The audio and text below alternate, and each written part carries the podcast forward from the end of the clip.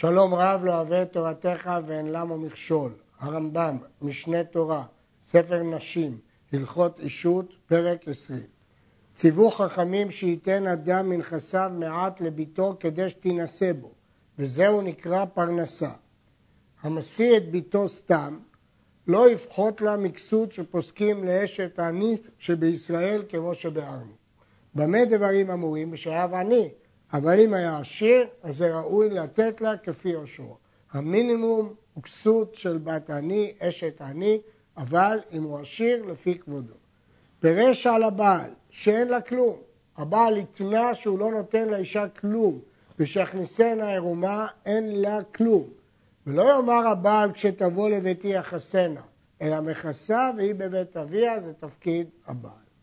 האב שמת והניח בת, ועכשיו אנחנו רוצים לקחת מן הנכסים לפרנסה, כלומר לנישואין שלה. עומדים דעתו כמה היה בליבו ליתן לה לפרנסתה ונותנים לה. ומנין יודעים עומדן דעתו? מרעיו, מיודעיו, ממסעו ומתנו וכבודו, כפי ההתנהגות ורמת החיים שלו בדרך כלל. וכן אם השיא בת וחייו, עומדים בה. זה קל ביותר, לדעת כמה הוא נתן לבת הראשונה.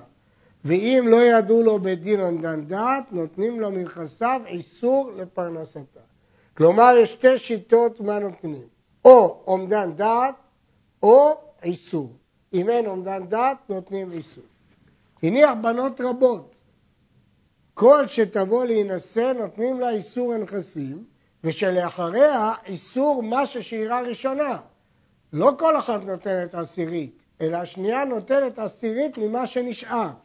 ושלאחריה איסור מה ששאירה שנייה. ואם באו כולם להינשא כאחת, ראשונה נוטלת איסור, והשנייה איסור ממה ששאירה הראשונה, והשלישית איסור ממה ששאירה השנייה, וכן אפילו הם עשר, וחוזרות וחולקות כל האיסורים בשווה ושאר הנכסים לאחים. אם הם נישאו בהדרגה, הראשונה עשירית, השנייה עשירית מהתשעים אחוז, וכן הלאה וכן הלאה.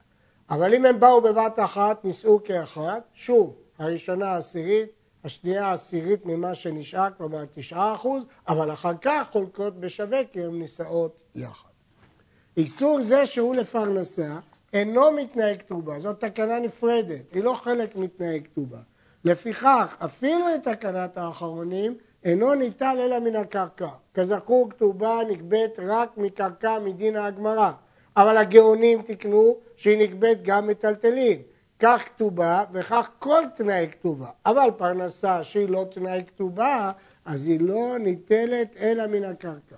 ויש לה לגבות איסור זה משכירות קרקע. אפשר אמנם לקבל גם משכירות קרקע. ואם רצו האחים ניתן למעות כנגד איסור הקרקע, נותנים. לא חייבים לתת עשירית מהקרקעות, אלא מעות כנגדם. מהיר. שם מגיד משנה אומר שהרשב"א והרמב"ן מחלקים בין אם זה איסור נכסים ובין אם זה אומדן דעת. שאם זה אומדן דעת, כן גובים מהמטלטלים. רק אם זה איסור נכסים, אז גובים רק מהקרקעות. המגיד משנה הבין שכך דעת הרמב"ם, כי הוא הביא את כל הדין הזה רק אחרי שהוא הזכיר את איסור נכסים.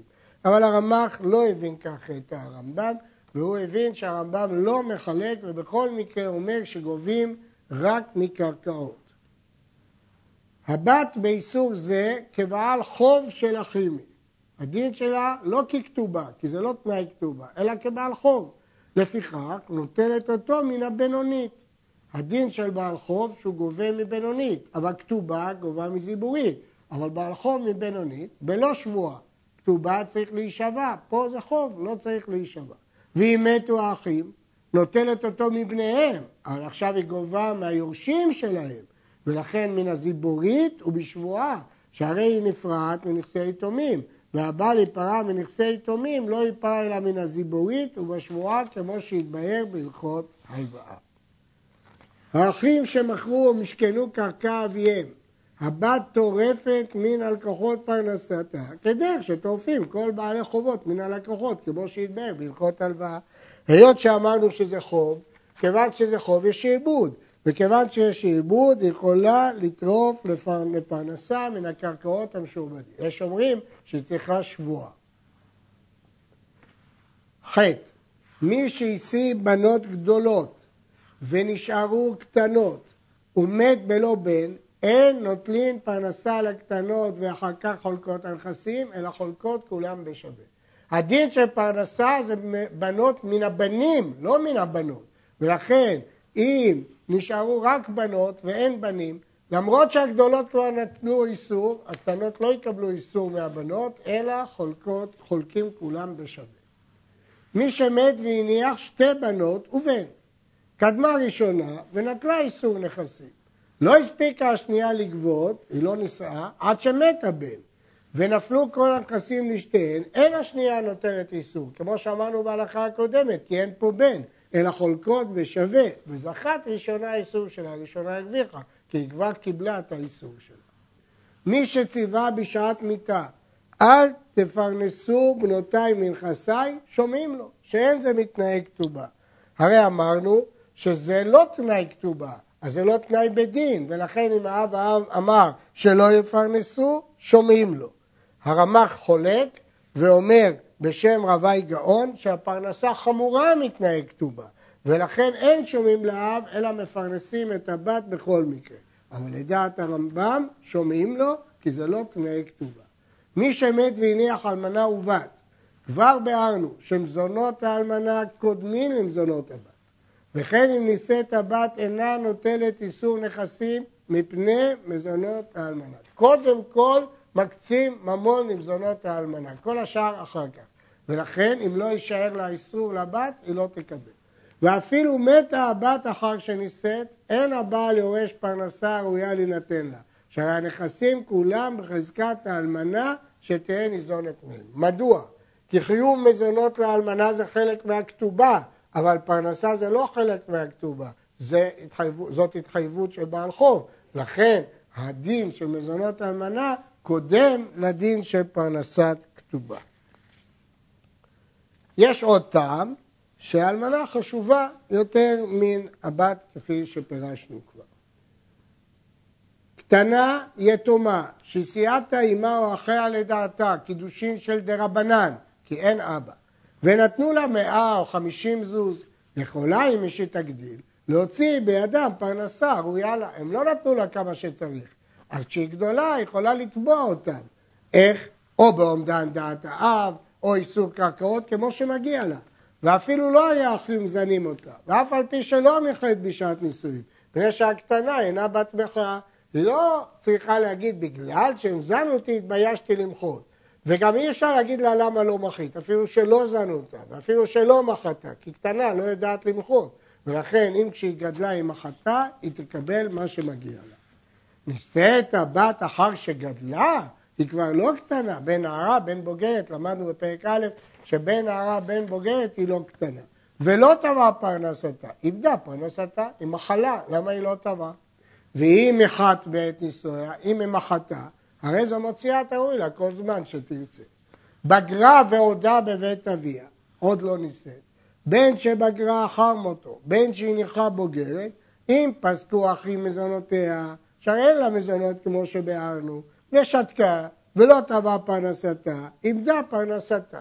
מחת לא איבדה פרנסתה. לא פסקו אחים מזונותיה, וזנו אותה בבגר, אף על פי שלא מחת לא איבדה פרנסתה. כל זמן שהם זנים אותה, שיש לה לטעון מפני שהם זנים אותה, אף על פי שאינם חייבים, והיא עדיין לא נישאת, מפני זה לא תבע פרנסתה. נסביר את הדברים. האחים חייבים לפרנס אותה כל עוד היא קטנה. ברגע שהיא גדלה, הפסיקו לזון אותה. אם הם הפסיקו לזון אותה, למה היא לא טבעה את הפרנסה שלה? כנראה שהיא מחלה. אבל אם המשיכו לזון אותה למרות שהם לא חייבים, יש לה הסבר למה היא לא תבעה את הפרנסה, היא בושה מהם. היא אמרה, הם כל הזמן מפרנסים אותי, לא רציתי לתבוע את הפרנסה לפני הנישואין שלי. וכיוון שיש לה הסבר, היא לא מחלה. ואם היא לא מחלה, מגיעה לה הפרנסה, כלומר או עומדן דעת או איסור נכסים. מי שציווה ליתן לביתו כך וכך מעות לפרנסתה, לקח מהם קרקע.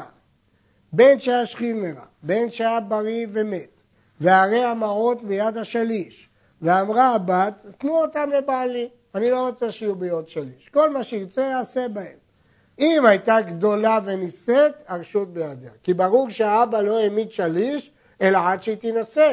אבל ברגע שהיא נישאת, הבעל כבר מוסמך לעסוק בנכסיה. ואם עדיין מאורסת היא, יעשה השליש מה שהושלש בידו, כי עוד לא נישאת. ואם עדיין קטנה היא, אפילו נישאת אין שומעים לה. כי לא סומכים על דעתה שהיא אומרת שהיא רוצה שבעלה יעשה מה שהוא רוצה, כי אין דעת קטנה כלום. אלא יעשה השליש כמו שציווה האב.